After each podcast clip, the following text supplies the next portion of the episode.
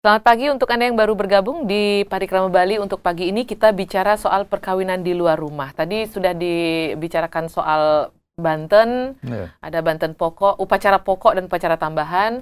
Yang wajib adalah yang pokok ya, yeah. yang tambahan disesuaikan dengan ekonomi. Yeah. Kemudian yang kedua adalah orang-orang yang hadir di yeah. perkawinan ini, mau di ada rumah atau di luar rumah ada yang pokok juga. Uh, uh, yang tambahan pasti undangan ya tamu-tamu. Yeah. yang pokok itu tiga tadi, yeah. pengantin, keluarga, dan masyarakat yang diwakili oleh prejuru. prejuru. Sekarang ingin saya tanyakan, pantas nggak sih kita kawinnya di luar rumah gitu? Yeah. Gitu, layak boleh nggak gitu? Atau apa sih istilahnya gitu? Kalau yeah. buat saya sih pantas atau enggak gitu. Iya, kalau boleh dan tidak pastilah boleh kan? Mm -hmm. Itu. Kalau pantas dan tidak atau patut dan tidak itu ukurannya kira-kira situasi dan kondisi. Hmm. Salah satu di antaranya sudah disinggung tadi. Kalau rumahnya memang tidak memungkinkan, hmm. mau apa lagi? Okay. Gitu. Uh, kita lihat misalnya penyelenggaraan upacara perkawinan yang di luar Bali. Hmm. Rata-rata hmm. memang dilaksanakan di, di Wantilan Pura, hmm. gitu. Bukan bukan di rumahnya, gitu. karena keadaannya memang tidak memungkinkan. Hmm. Gitu. Tapi kalau di Bali sendiri bagaimana, Pak? Kalau rumahnya memungkinkan untuk apa pilih tempat di luar rumah? Hmm. Kalau memang semuanya sudah memungkinkan. Yeah. Gitu. Tetapi kalau tidak memungkinkan, tidak memungkinkan kan sudah disinggung tadi karena keadaan rumahnya dalam arti fisik hmm. atau relasi di antara orang-orang rumah, hmm. gitu. Kan perkawinan harus dilaksanakan Hmm.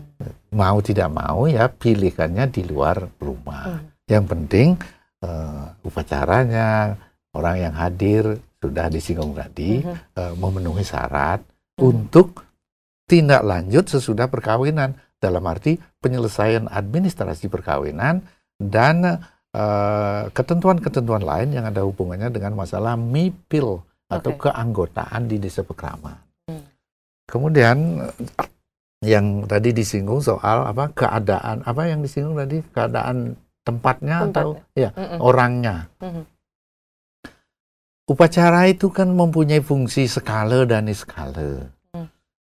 Dalam hubungannya dengan perkawinan, masalah niskalanya tidak perlulah dijelaskan. Yep. Karena itu erat kaitannya dengan keyakinan dan kebetulan saya juga tidak berkompeten di bidang itu. Mm -hmm. Kita persoalan skala saja perkawinan itu, orang yang hadir di dalam perkawinan itu selain menyaksikan upacara perkawinan, juga terkandung makna yang eh, mak, kata sebutlah makna laten, makna yang tersembunyi. Okay. Gitu. Apa itu, Prof? Kalau soal menyaksikan sudah biasa hmm. kan. Yang sudah tersembunyi apa? Yang tersembunyi yang pertama untuk mengumumkan bahwa pasangan ini sudah melangsungkan perkawinan. Mm-hmm. Namanya pengumuman, targetnya kan umum. Masyarakat. Banyak itu. masyarakat. Dari sudut ini, makin banyak yang hadir, makin baik. Makin baik karena makin banyak yang tahu. Dan kita nggak capek untuk mengumumkan. Iya, gitu ya. itu.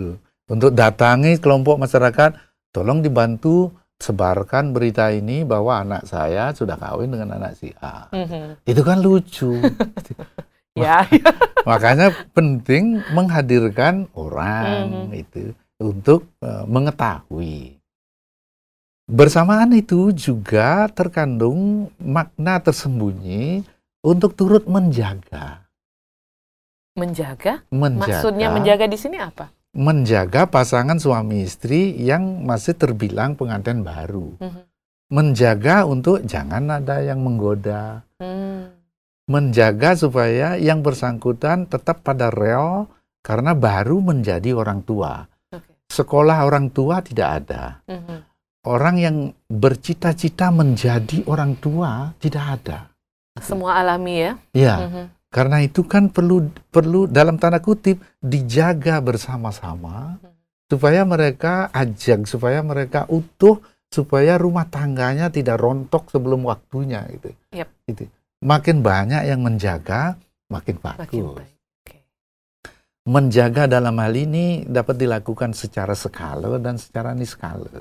Okay. Secara skala yang mengingatkan kalau mereka melakukan penyimpangan. Mm -hmm. Secara niskala memberikan doa supaya yang bersangkutan ada dalam suasana santi, yep. damai. Okay, itu. Okay. Ya. Nah, itu sebabnya dalam undangan perkawinan kan ada memberikan doa hmm, restu. restu. itu maksudnya. Itu. Ada pertanyaan saya yang kelupaan tadi, Prof. Yeah. Soal masih soal tempat perkawinan ya. Yeah. Kalau di luar rumah, di mana sebaiknya? Di hotel boleh atau pinjam rumah tetangga atau langsung aja di gereja gitu iya kan sekali lagi pertimbangannya kan yang diharapkan hadir seperti ini mm -hmm. Prosesnya seperti ini kelengkapannya seperti ini tentu yang paling praktis ya di, di tempat di mana upacara itu hmm. bisa didapat.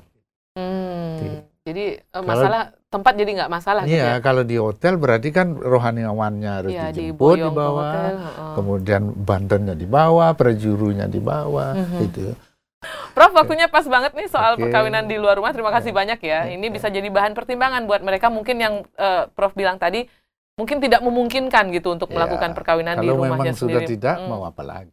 Silahkan pilih tempatnya asal unsur-unsurnya dipenuhi tadi ya. ya uh, upacaranya lengkap, upacara pokok dan tambahan, kemudian hmm. yang hadir juga harus uh, komplit sesuai dengan ada yang eh, pokok juga. Ada yang pokok yaitu tadi itu yang per, uh, pengantinnya, kemudian keluarganya dan juga perjuru, yang mewakili masyarakat iya. dan yang lain-lain gitu. Jadi itu harus lengkap dulu baru bisa melakukan uh, perkawinan di luar rumah dan iya. dinyatakan sah juga gitu iya. ya. Secara hukum adat Bali hukum ya? adat, agama, agama Hindu, Hindu, hukum adat, adat dan hukum nasional. Siap, jadi seperti itu. Jadi kalau rumahnya kecil jangan ragu-ragu lagi ya. Udah boleh kok sebetulnya.